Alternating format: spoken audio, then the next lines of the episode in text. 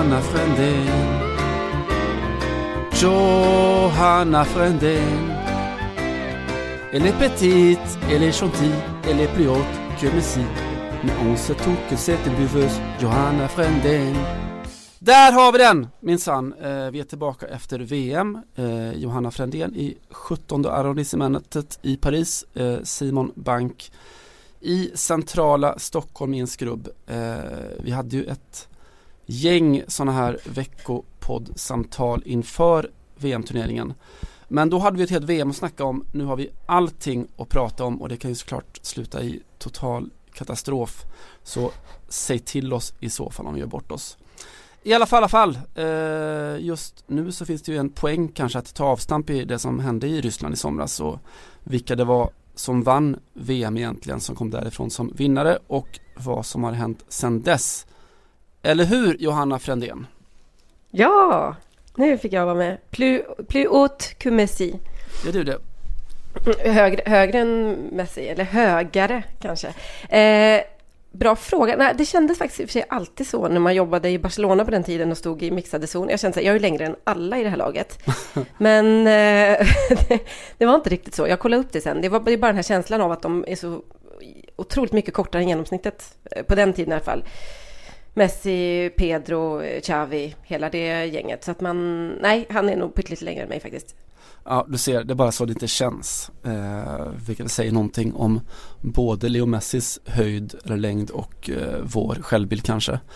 Eh, mm. Hur som helst Johanna, du var ju faktiskt i helgen i söndags va? På Stade de France på det stora partyt och såg Frankrike, världsmästarna, slå Holland i Nations League med 2-1. Hur, hur var det?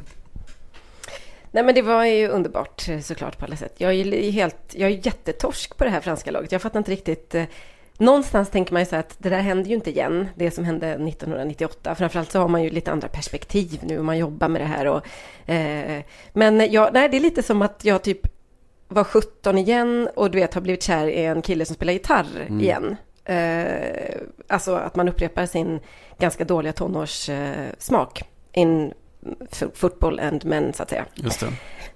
Det var, nej, jag, jag, ja, det var supertrevligt och fint på alla sätt eh, såklart. De skulle ju mest eh, göra ett liksom litet eh, återtåg. Det var ju första matchen på hemmaplan sen eh, guldet. Och Nations League, det är lite samma sak här tror jag som i Sverige. Folk fattar inte riktigt vad det är. Det var inte riktigt därför folk åkte dit. Utan det var ju för att, för att liksom eh, se Paul Pogba på något sätt eh, dansa sig fram till bucklan och höja den.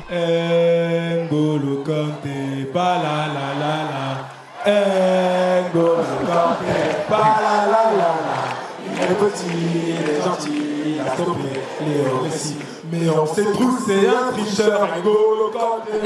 Ja men det är som du säger lite att det är osannolikt att det händer 20 år senare. Det vore mycket mer sannolikt att det hände 1998, särskilt med tanke på att det var, faktiskt var då som det hände. Eh, för att travestera Tage Danielsson. Men det där franska laget, alltså, det är ju som du säger en kärleksaffär, kanske inte bara för det franska folket utan för hela jäkla Europa. Man ser eh, framförallt alltså någon, någon slags symbolfigur i det här laget. Det är väl Paul Pogba, den snyggaste killen på gymnasiet, den coolaste, häftigaste, eh, fränaste av alla och N'Golo Conte, han som först fick den här sången som jag försökte sjunga för dig förut. Eh, som är den, den blygaste, minsta, snällaste panelhörna på hela skolan. Och se mm. de där två tillsammans, det är väl liksom det där, där hittar du hela det här lagets själ på något vis.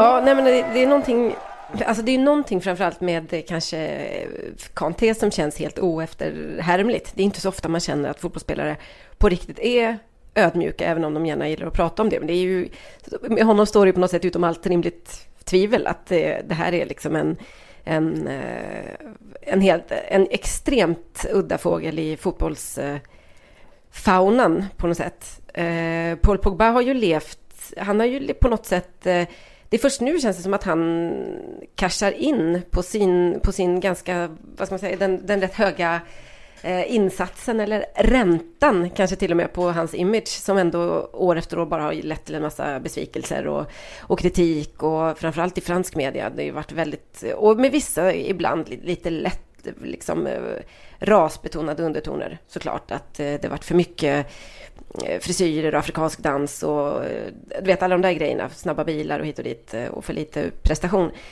Nu, nu, var, nu stod alla stjärnor rätt på något sätt och då, nu har vi inte, har vi inte ens pratat om Kylian Mbappé. Det, det är ju kanske det som är mest fascinerande med det här laget, att det är, det är så jäkla många man, det är så himla många att gilla på något sätt. Mm.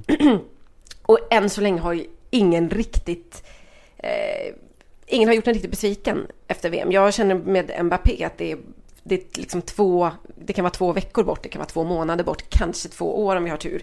Innan liksom det går upp för honom hur stor han är och innan det börjar slå över i någon form av divalater och liksom olidlig eh, stjärnkult och allt det där.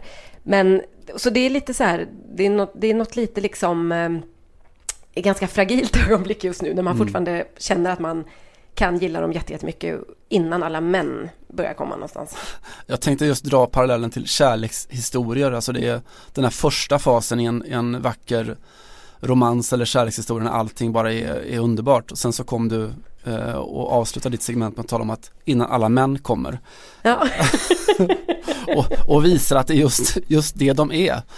Eh, eh, den satt på pricken och de har ju allt det där laget, eh, alltså från de här stjärnorna som vi har rakat upp och randat upp med Conte, Pogba, Mbappé eh, Varann Varann, den, den snygge elevrådsordföranden längst bak och, eh, och hela vägen tillbaka till liksom truppens siste man i Adil Rami eh, Den grekiske guden som Som tog och accepterade rollen som bara att vara stämningshöjare och, och och roliga timmen-ansvarig under hela, hela VM. Den här rollen som brukar vara vikt liksom ofta för andra eller tredje målvakten, alltså Pepe Reina-rollen eh, för er som är spanofilt lagda, som alltså bara är där för att alla ska ha det gött och må bra tillsammans. Mm. Och vi pratade ju faktiskt en del, om ni vill gå tillbaka och lyssna på så finns väl de avsnitten kvar. Vi pratade ju en del om Adil Rami, att han är liksom en sån, ja men lite så här lite turgubbe för att han också på många sätt är med Eh, i, det har kommit med i landslagstrupper på grund av att han är högerfotad till exempel, vilket är ett väldigt, väldigt vanligt fenomen eh, om man tittar på fotbollsspelare, men som behövdes just då. Och att, att han hela tiden har kommit in på en kvot som är liksom väldigt, eh, som finns just då och där har han passat in perfekt. Och nu, jag menar, nu var det dessutom så att han då tog avsked och gick i pension från landslaget under firandet av eh, pokalen i kalsonger i omklädningsrummet i Moskva. Men det hindrar inte att han var med i truppen både, nu, båda de här matcherna då eh, i, i det, Nations League och var liksom den som firade absolut eh, mest på ett sätt som är också lite, skulle jag säga, det, det, det är faktiskt något ganska ofranskt över honom, för han har ju har verkligen tagit på sig att vara den här roliga och lite så här clowntypen som inte så många fransmän brukar gilla att vara. Det känns som en lite mer kanske brittisk eller spansk grej och, och om du förstår vad jag menar. Men mm. ja, här verkligen bjussa på sig själv och sitta med i varenda tv-program som finns och, och bara vara så här skön och låta folk skämta lite på hans bekostnad på något sätt. Jag vet att han, mitt absoluta favoritögonblick av de 5000 väldigt sympatiska och härliga eh, firar klipp och ögonblick som kom ut är ju när eh, president Macron eh, besöker laget i omklädningsrummet och från hela det franska folkets sida vill då uppbringa och frambringa sitt stora, stora tack. Eh, var på Adil Rami avbryter dem och säger pour les impôts, för all, alltså för all skatt som vi betalar. Eh, ja, ja. Ja, nej, men visst, det är ju exakt eh, det som är lite hans eh, vad ska man säga, hans X-faktor i, i det här laget. Ja, det känns också som att han blir väldigt, eh, han kommer gå, alltså han har gått i någon form av symbolisk eh, pension, men det var väldigt svårt att han kom, se att han skulle hålla sig borta från det här laget på eh, liksom den närmsta tiden. På, och, åtminstone rent andligen kommer han att finnas kvar, eh, tror jag i alla fall, vilket vi alla såklart gläds åt. Han är ju nästan den bästa med Lebleu, om man nu måste välja något. Nu har vi, då har vi ändå plockat kanske fem andra spelare före honom, men eh, ja, Mm. Och apropå X-faktor så vi tog upp före VM hans kärleksliv eh, eftersom vi är den sortens podd att han eh, då var tillsammans med Pamela Anderson, Baywatch Pamela eh, och man såg nu under säsongsstarten här när eh, Marseille, där då Adil Rami är nyckelspelare som mittback, mötte Monaco borta och eh, Pamela sitter där på läktaren på, på Louis II. Det ösregnar eh, och Marseille är på väg att förlora och vända på slutet. Och efteråt så fick Adil Rami, som då hade spelat fram till ett mål, och, eller spelat fram till två mål egentligen, betyget i ja, den franska motsvarigheten till magasinet Offside kan man säga, så fort att eh, Adil Rami, Monacos bästa spelare. Det är väl en ungefär så tung sågning man kan få. Mm, men det är väldigt, jag kan tänka mig att han tyckte att det var kändes lite trevligt att bli omnämnd. Du förstår vad jag menar? oh ja, bättre att vara om, omtalad.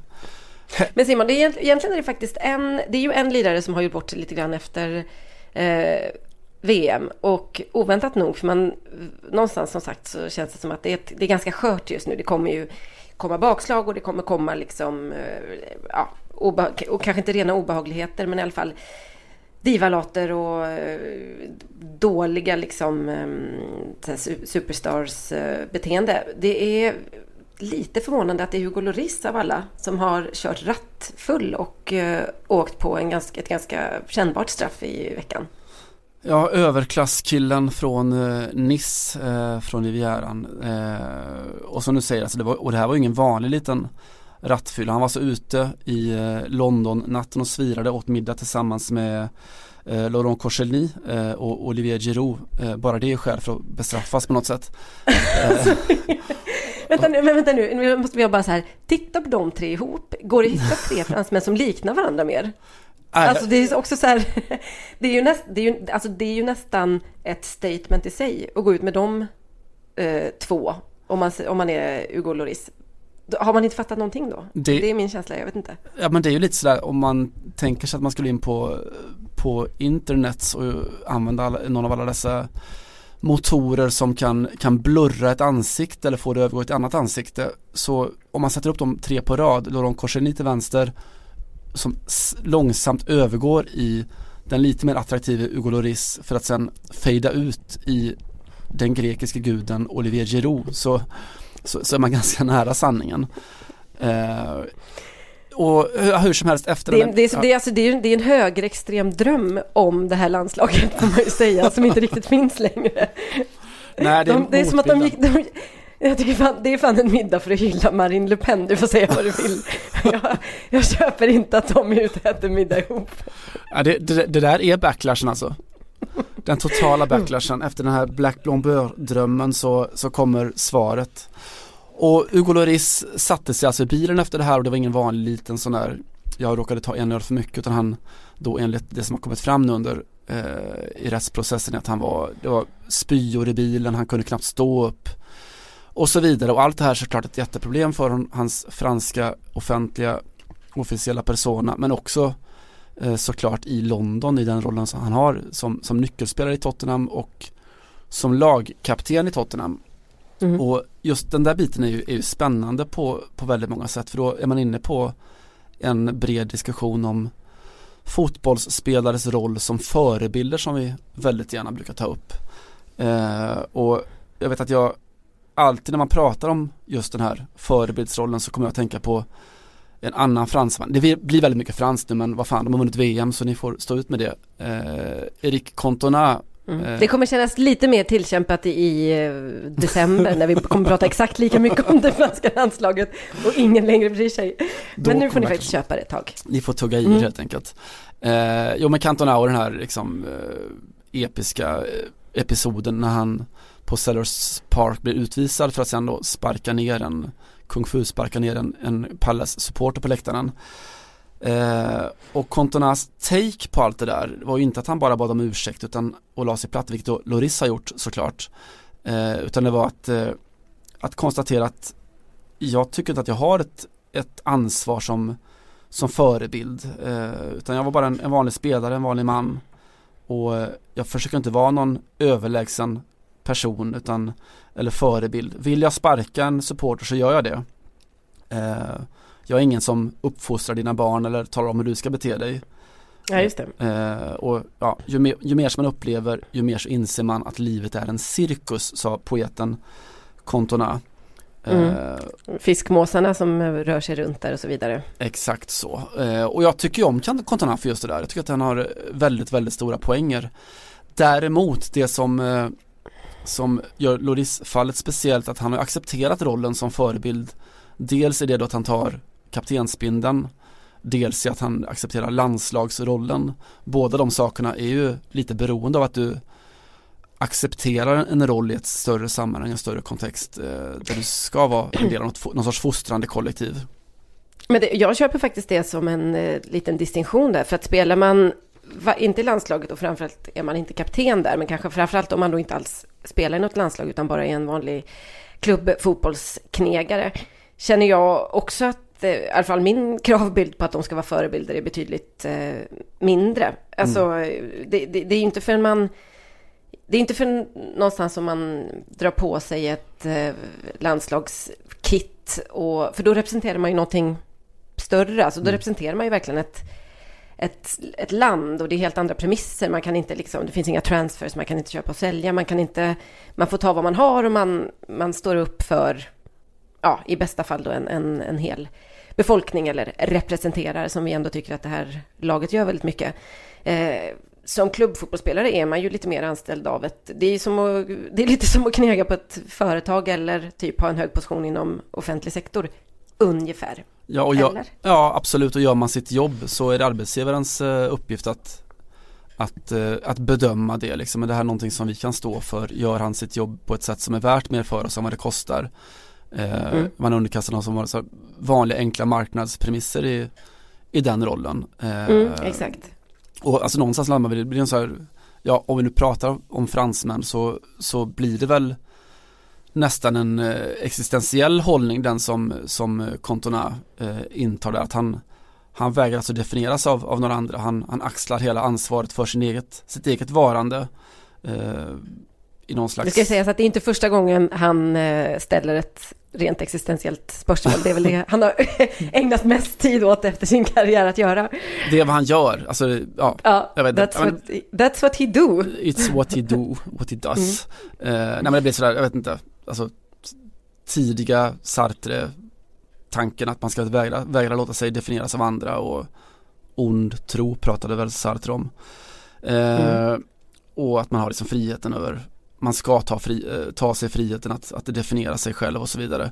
Men Ex existensen föregår essensen för er som det. har högskolepoäng i filosofi. En kompis frågade förut om den här podden skulle bli en fotbollspodd för folk med högskolepoäng. Ja, det var det absolut vidrigaste beskrivningen jag någonsin har hört. Men jag hör ju att vi är någonstans lite, på, lite grann på väg dit. Eh, eh, framförallt när jag släpper loss dig tillräckligt länge i långa sjok så att säga. I det sluttande planet.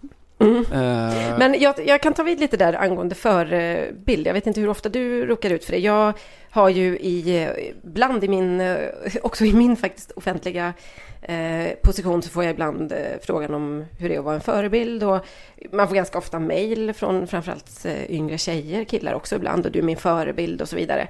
Och eh, det, det där är otroligt eh, smickrande på ett sätt när folk säger det, men det är också, jag kan i mycket, mycket mindre skala förstås identifiera mig med den här känslan av att jag, man absolut inte vill vara det och jag inte lever på något sätt något liv som jag, eller eh, har några åsikter i övrigt som bygger på att jag tänker att folk ser mig på en, som en förebild, förstår du vad jag menar? Oh ja. uh, och det är att det är en ganska trång tröja som man förvisso måste köpa, eller man kommer ju konfronteras med det om man är fotbollsspelare eller eh, kanske skådespelare eller inte vet jag, popartist i alla fall. Eh, men kanske att man borde ha en viss eh, vad ska man säga, en viss eh, frihet att välja själv vilken typ av förebild man ska vara i. I alla fall Cantona är ju en förebild på otroligt massa andra, alltså han är ju en jätteförebild för många fotbollsspelare. Mm.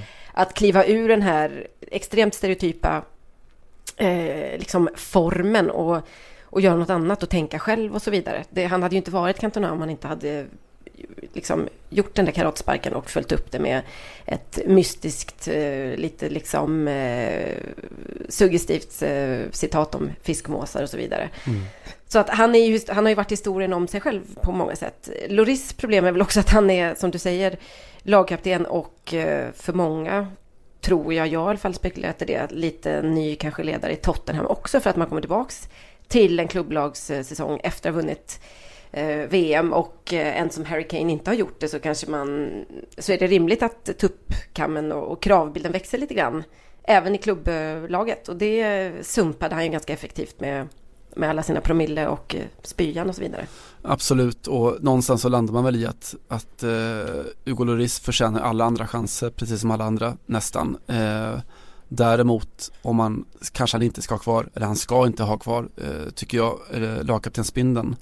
Eh, och, Men däremot en li, pytteliten poäng till eh, alltså god eh, integration. För att det är ju extremt sällsynt att fransmän, eh, framförallt de från hans segment, dricker så mycket alkohol så att de spyr. Det känns ju väl som en ganska brittisk utgång någonstans eh, som de har ägnat sig åt, eh, den här lilla, eh, eh vad heter det, vår lilla franska trio där. Även om att ta bilen är ju, ja, okej, okay, det är kanske lite mer franskt. Men förstår du vad jag menar? Det, det känns, det är ändå något som, jag tror att många fransmän är mer förvånade över hur han, hur han kunde bli så full. För att det är så otroligt ofranskt att ha den typen av eh, eh, ölsinne, eller ja, Förstår du vad jag menar? Du skyller ifrån dig, det, det det du gör.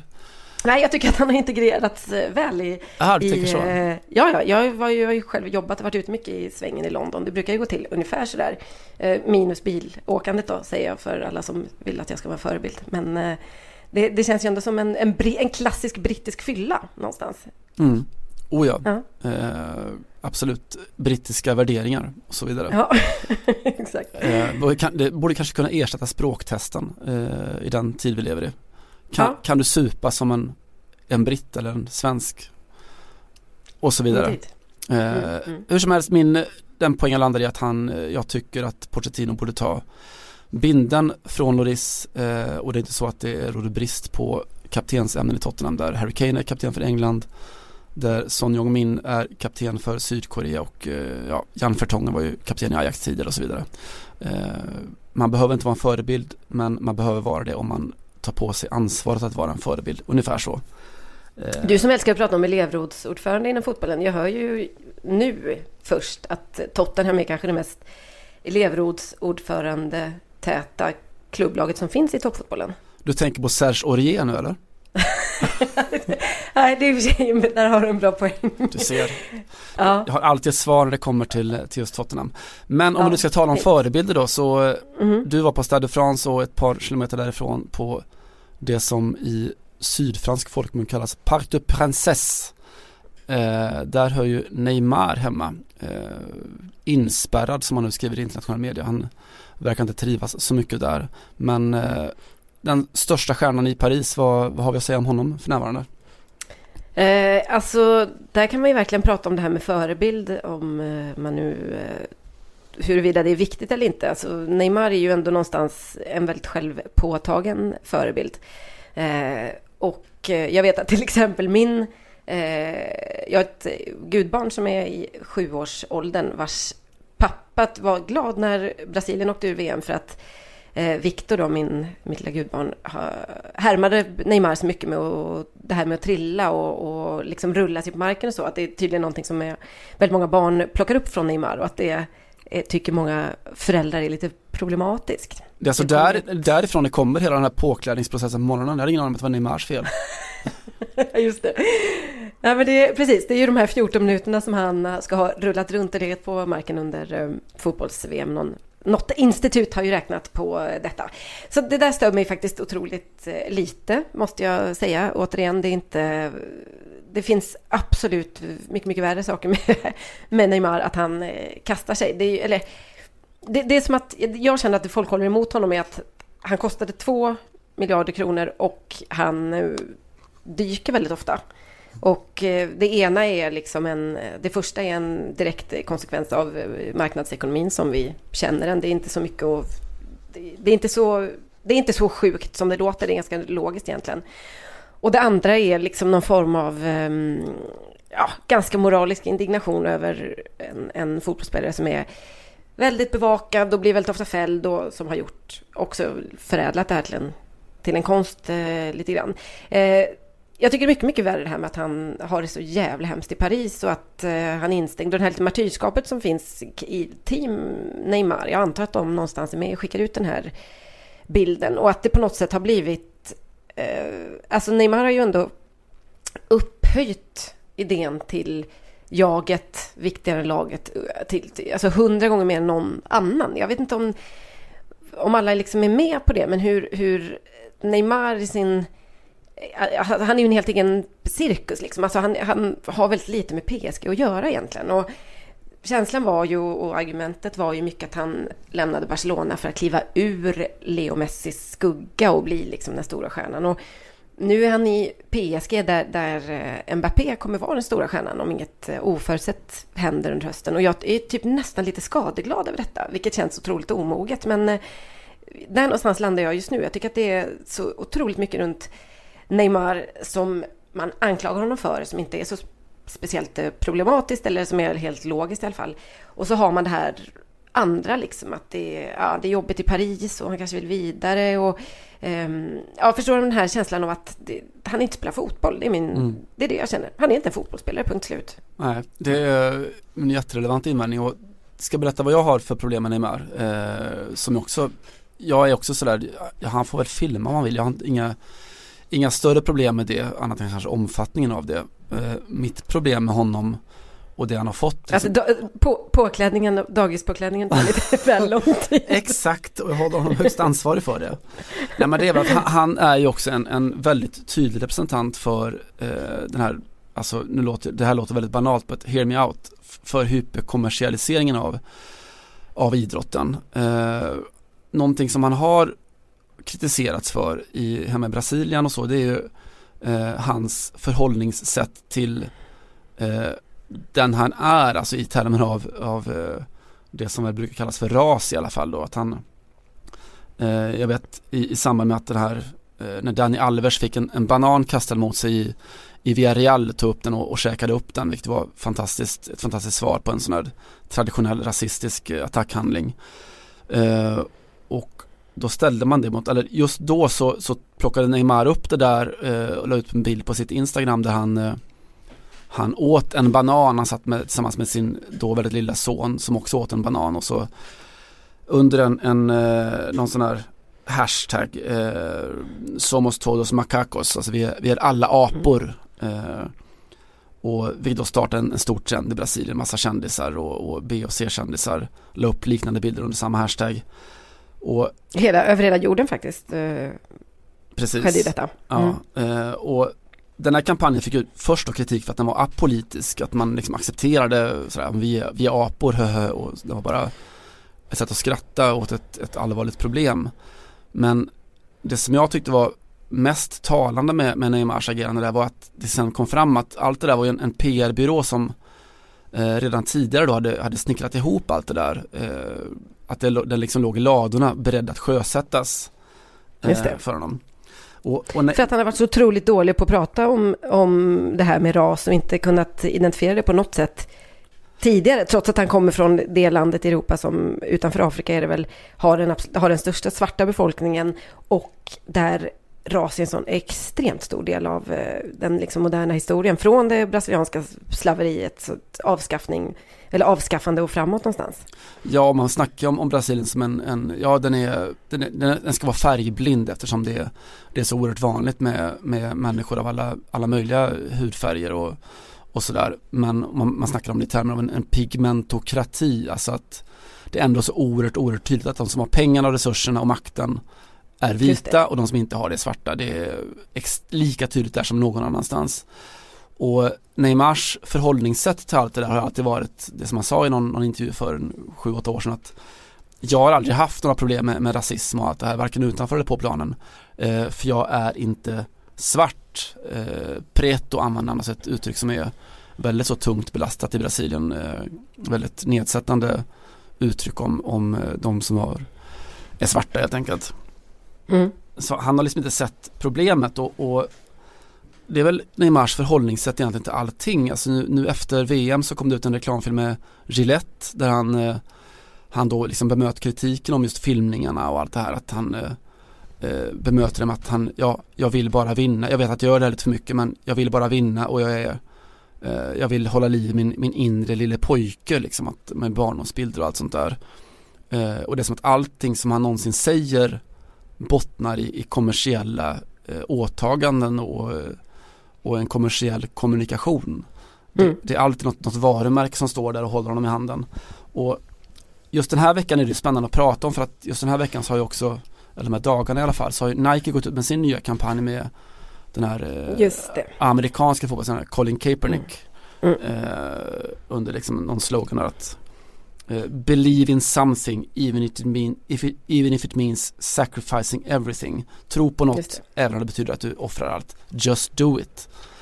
Eh, som de har fått oerhört mycket beröm för och den är fruktansvärt smart. Eh, och försäljningen av Nike-prylar gick upp med liksom en tredjedel bara på ett par dagar. Mm.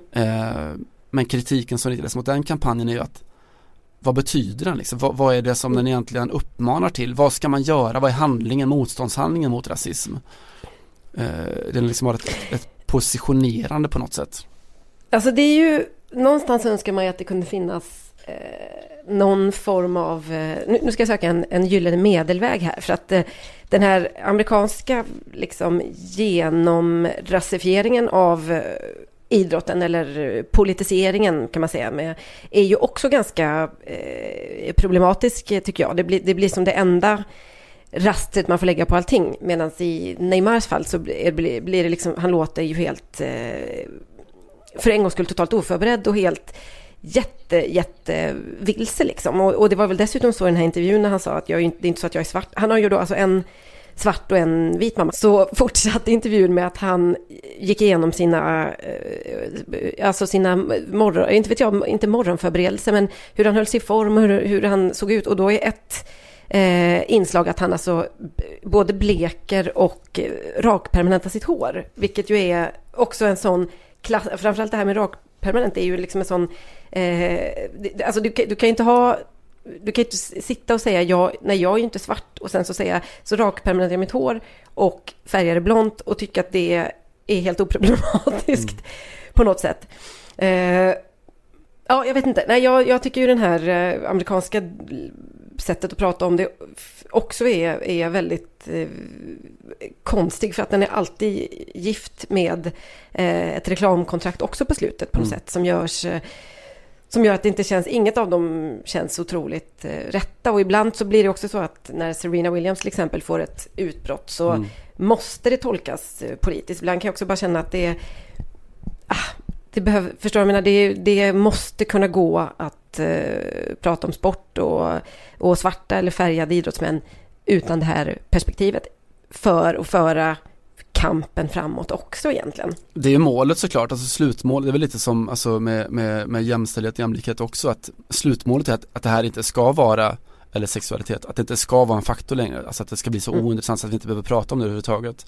Att vi bara Men ser Neymar är väl, Neymar är ju, det är ju någonting med honom som är extremt nästan provocerande opolitiskt och det är väl egentligen det vi vill någonstans komma fram till. För att eh, det, det är ju inget, det råder ju inget tvivel om att han är en fantastisk eh, fotbollsspelare och bla bla bla och jada jada jada. Eh, men det är nästan som att den här eh, ytan, eller vad man ska säga, den här liksom känslan av att han är ett spektakel, att han själv på något sätt bara fördjupar och framhåller den. Jag menar, han fyllde till exempel 25 förra året, eller om det var nu i våras, och hade en stor fest i Paris och hade varit i stan då i ett halvår lite drygt, eh, tror jag, eller bott i Paris ett halvår och tillhört klubben ungefär så länge då. Och anordnade liksom en, ett, eh, en födelsedagsbärs med eh, röda mattan och media var liksom inbjudna och det fanns platser och akkrediteringar och man kunde ta bilder. Och alla som kom på festen fick en sån här festivalarmband eller vad man ska säga. Så att man skulle ha, inte vet jag, gratis sprit då antar jag, eller få komma in i alla fall. Var Hugo var- där? Han var inte bjuden. Nej, men däremot var ju hela Paris jetset bjudna, eller, och hela, ja, eller Frankrike som du vill. Eh, och så bara ett hopplock av liksom stora brasilianska fotbollsspelare genom historien och lite så allmänt kända VIP-människor. Och eh, som man bara vet att han inte känner. Alltså han känner max tre av de liksom 50 största namnen som var där, om man nu räknar bort hans eh, lagkamrater. Eh, och att det på något sätt ger, att det känns som att det kanske är, det är lite sorgligt att vara Neymar också, om man har, om det är bilden av vad man vill göra på sin 25-årsdag, hur man ska fira den. Det var ju en programledare från Beansport som var inbjuden för att till exempel hålla i eventet. Eh, och då känner man ju någonstans att då, han är ju så mycket Neymar som har precis alla möjligheter att leva precis det liv han vill är extremt fångad i den här kommersiella idén om vem är Neymar? På ett sätt som, jag, som är mer sorgligt kanske än, än motbjudande, men i och för sig också lite motbjudande. Jag vet inte. Både och. Som livet i sig, sorgligt men också lite motbjudande. ja, totalt osympatiskt i alla fall. Men det, alltså, och allt det här kommer såklart av att Neymar har alltså varit en del av ett stort PR-maskineri med agenter och rådgivare sedan han var 12 år gammal. Och alltså, jag vill säga om Colin Kaepernick, om man ska återvända till honom, att jag har den absolut största respekt för honom. Han är ju en, en ikon i vår tid, en, en oerhört stor eh, röst och viktig röst eh, mm. som också han skänker pengar eh, till liksom antirasistorganisationer han står upp för det här och det har kostat honom en hel del. Eh, men Neymar eh, om man nu ska säga då att han är opolitisk och att det är provocerande så är det helt korrekt men det är också totalt felaktigt för att han är ju politisk i det att han hans politiska ideologi är ju kommersialismen ja, eh, med allt vad det innebär. Eh, för att och Colin Kaepernick har, trots att han väldigt länge var mycket, mycket mindre känd än Neymar, en mycket stabilare frilla än Neymar. och hur många försök har Neymar gjort till att bli en frisyrikon? Så att eh, man kan också stänga diskussionen eh, där lite grann. Helt sant och så kan vi säga att Colin Kaepernick är av alla de fyra amerikanska fotbollsspelare vi kan namnet på vår absoluta favorit. Sån är det. I'm Sandra and I'm just the professional your small business was looking for. But you didn't hire me because you didn't use LinkedIn jobs. LinkedIn has professionals you can't find anywhere else, including those who aren't actively looking for a new job but might be open to the perfect role, like me. In a given month, over 70% of LinkedIn users don't visit other leading job sites. So if you're not looking on LinkedIn, you'll miss out on great candidates like Sandra. Start hiring professionals like a professional. Post your free job on linkedin.com/achieve today.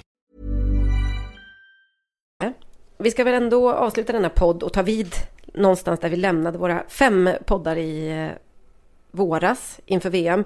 Eh, vi gjorde en granskning Sverige helt enkelt och eh, nu har du jag inte faktiskt följt med så mycket i veckan för jag har varit och följt Le Bleu och så vidare. Men jag har noterat att det inte har gått sådär fantastiskt bra. Varsågod och utveckla. Det är väl den korta summeringen faktiskt och ganska heltäckande också. Så där är det ju, men Sverige eh, som alla vet spelar Nations League-premiär hemma mot Turkiet, leder med 2-0, tappar till 3-2 i slutminuterna. Eh, någonting som helt enkelt aldrig händer i, eh, i Sverige eh, och särskilt inte med det här extremt kompetenta defensivt organiserade landslaget. Eh, efteråt så lyfte ju Jan Andersson, förbundskaptenen, eh, förklaringsmodellen att spelarna var nog lite slitna efter VM. Att han såg inte samma energi och aggressivitet och så att det kunde hänga ihop med att eh, ja, utebliven försäsong eh, och så, att de var lite trötta.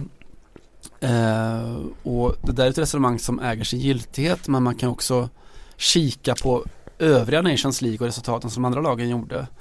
Jag undrar om först bara, är den där eh, teorin lite trött efter VM också applicerbar på din och min podddebut här? Det hade, känts, det hade känts ganska skönt. Jag tror att den är det och även på Hugo Lloris faktiskt. ja, just det. Man blir ju trött VM-trött man. Mm. Exakt så.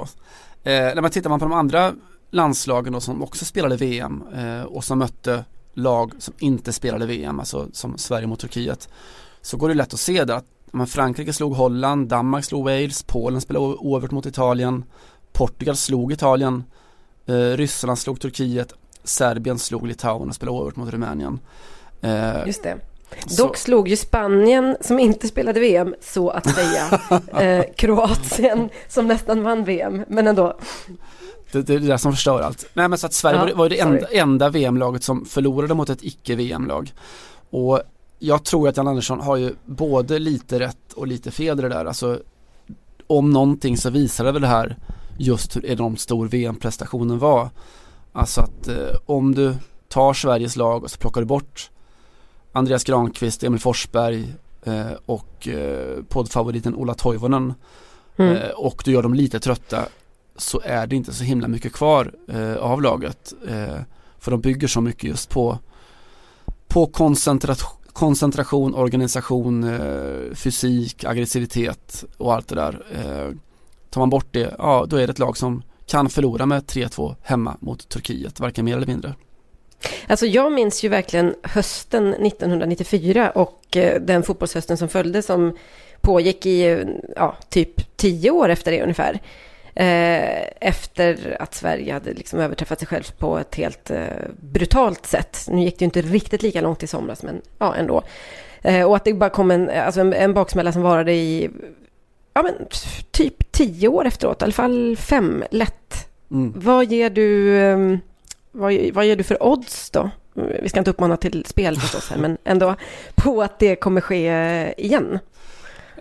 Det känns väldigt mycket, och så kändes det även före den här matchen, som att det var inte en fortsättning på VM-äventyret utan det var just en, en omstart. Det var att man åkte tillbaka två år i tiden igen till mm. Eh, där vi har det vi har och, och allt annat, eh, alla prestationer utöver det kommer vara stora överprestationer. Jag tror inte det kommer vara en jättestor baksmälla men jag tror att vi kommer landa i, form, i, i någon sorts mer realistisk variant av, av vårt svenska landslag.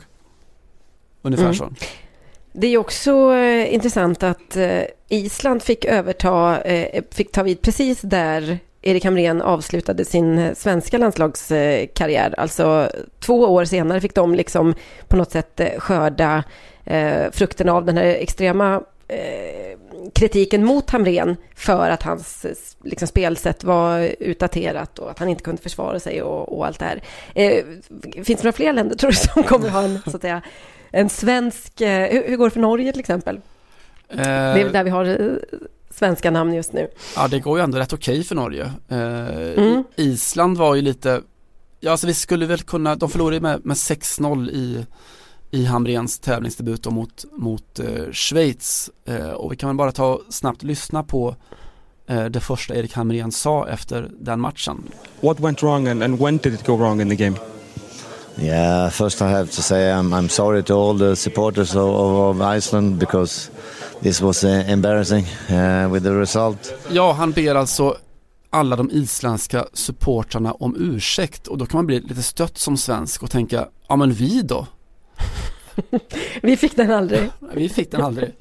Nej men jag hoppas ju för, för Eriks skull, eh, jag undrar honom eh, allt gott i hans framtida värld med Island och hoppas att han har lärt sig av sin historik med Sverige och inte nu svänger tillbaka igen där det ska vara, eller ja han får jättegärna svänga tillbaka men i Sverige så blev det så att man gick på de här tunga eh, nitarna och så svängde man till ett helt annat spel där det skulle vara ultradefensiv och eh, 11 man runt eget straffområde och sen så byggde man upp ett sorts självförtroende igen och då skiftade man om till att vara mer offensiv och sätta Ola Toivonen som vänsterytter gick på nästa smäll och sen svängde det lite fram och tillbaka sådär. Jag hoppas att han har eh, valt en linje med Island och den, den linjen borde han rimligen kunna kopiera från Lars Lagerbäck, alltså lite det vi pratar om i Sverige. Att, eh... Men är det inte konstigt för att alltså Island som har varit ett sånt extremt eh, framstående lag och framsynt och modernt på alla sätt i fotbollssammanhang, eller ja egentligen på väldigt många sätt eh, de senaste åren, att de bara tänker att vi tar en gammal svensk förbundskapten så blir det bra. Att det skulle funka två gånger om. Nu ja, vi, inte, vi kan inte dra några riktiga slutsatser än, men eh, istället för att kanske scouta Erik Hamrén lite grann och konstatera att hans eh, filosofi i den mån han överhuvudtaget har någon. Jag har lite svårt att se liksom någon röd tråd, men det, han ändå, det ingångsvärdet han hade när han började med Sverige och tog över eh, efter Lagerbäck var extremt dåligt anpassat till de isländska förutsättningarna. Det, menar, det enda alternativa liksom synsättet är att de fick total hybris och tänkte nu ska vi börja spela lite rolig fotboll också för att vi, nu är vi nog där. Men det måste väl alla kunna se att det inte riktigt var, att det aldrig riktigt skulle kunna gå med, med det här isländska laget. Eh, absolut så och det, alltså det där påminner mig lite om den här teorin som finns eh, gällande hur folk klär sig. Eh, att man tar den stilen som du hade när du var som allra mest populär i livet, oftast då kanske på högstadiet eller gymnasiet. Och sen så fastnar du i den, i den stilen resten av livet, vilket ju eh, kan göra att du kan se ut som Henrik Schyffert fast du har fyllt fem, 50. Eh, Just det. Och då, man hoppas... Jag har, vet du vad jag har på mig Simon? Oj. Eh, jag har en Kylian Mbappé-tröja, sånt här ska man väl inte ens säga, men nu måste jag lägga upp en bild på den eh, också, bara för att jag fick lite, eh, ja men jag fick lite eh, sån 1998 års eh, hybris. Det var väl då jag var som bäst då, när jag var 17. Vi har, vi har inte sett den bästa Johanna Frändén än, hoppas vi också för alla poddlyssnares skull. Eh, men äh, man hoppas för Islands skull då, för deras, eh, deras del att de inte nu har fastnat i, i Lagerbäck-stilen, att det är vi ska klä oss i en svensk förbundskapten för då blir allting bra. Eh, då... Tredelat är det ju numera i och för sig då. Ja, just det. Just det. Eh, så att det, om vi ska, ska man klä sig på olika sätt så är ju Lars Lagerbäck och eh, Erik Hamrén ändå till viss del motpoler, får man säga. Då får de ju två olika saker. Ja, den där feltolkningen av den svenska stilen, att allt som kommer från Sverige är svenskt. Och ja, jag vet inte, om det skulle vara så att de följer någon form av tendens, alltså lite i i symbios med den här glidningen Korselny, eh, Loris Giroud som vi var inne på förut så går man väl från Lagerbäck och sen är nästa steg Hamrén då är väl steg tre, jag vet inte, Robert Gustafsson typ som nästa förbundskapten för Island. Nu ska jag kuppa in ett boktips för jag vet att det egentligen är du sen. Men eh, vi pratade ju lite om eh, Brasilien. Jag kom på en bok eh, skriven av John Updike som faktiskt heter Brasilien. Om man är intresserad av att Eh, läsa om Brasiliens myllrande historia och eh, framför allt den här historien med ras och rasism och så vidare. Jag lämnar den där bara, som folk brukar skriva på Twitter, så får du eh, ta vid. Ta vid.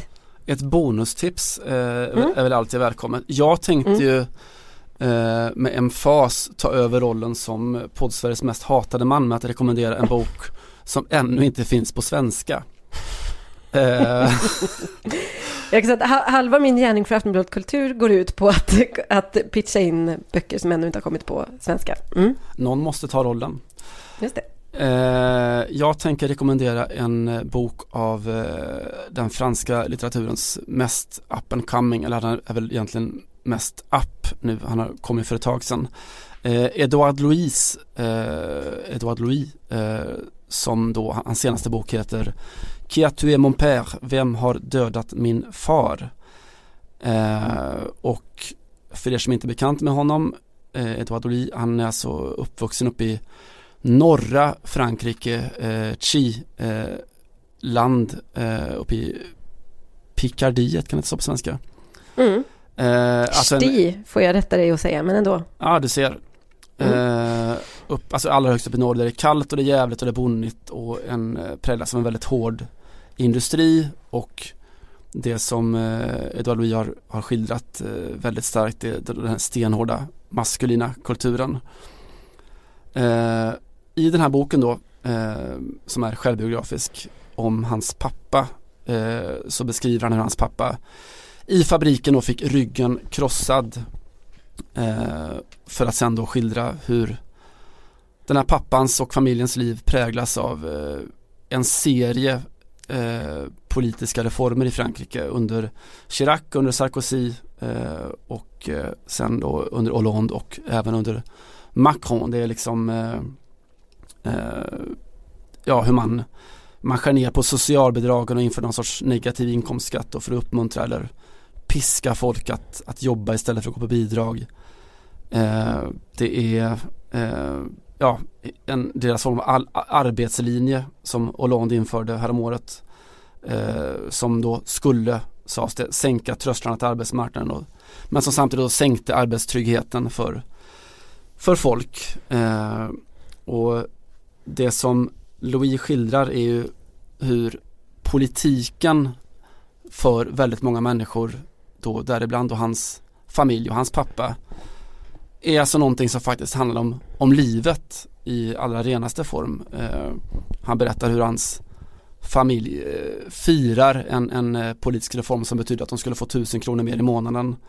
Eh, och hans poäng är att de som syns i politiken i, i maktens korridorer eh, de som man kallar för les dominants, alltså de, de dominerande, eliten skulle jag säga på svenska.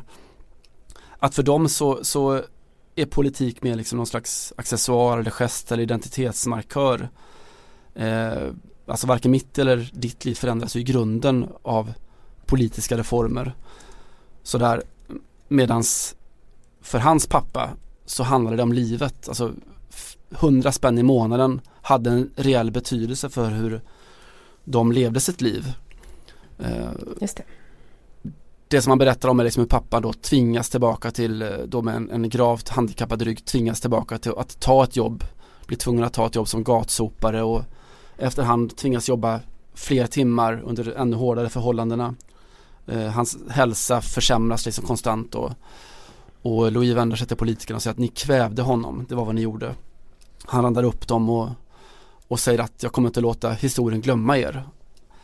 Och Macron eh, som är ett eh, väldigt stort eh, Edouard Louis-fan kommer inte heller undan då han han berättar om eh, när Macron var precis nytillträdd och var nere i, i södra Frankrike eh, utanför Montpellier och möter två stycken eh, strejkande arbetare klädda i t-shirts som eh, väldigt aggressivt och konfronterar honom.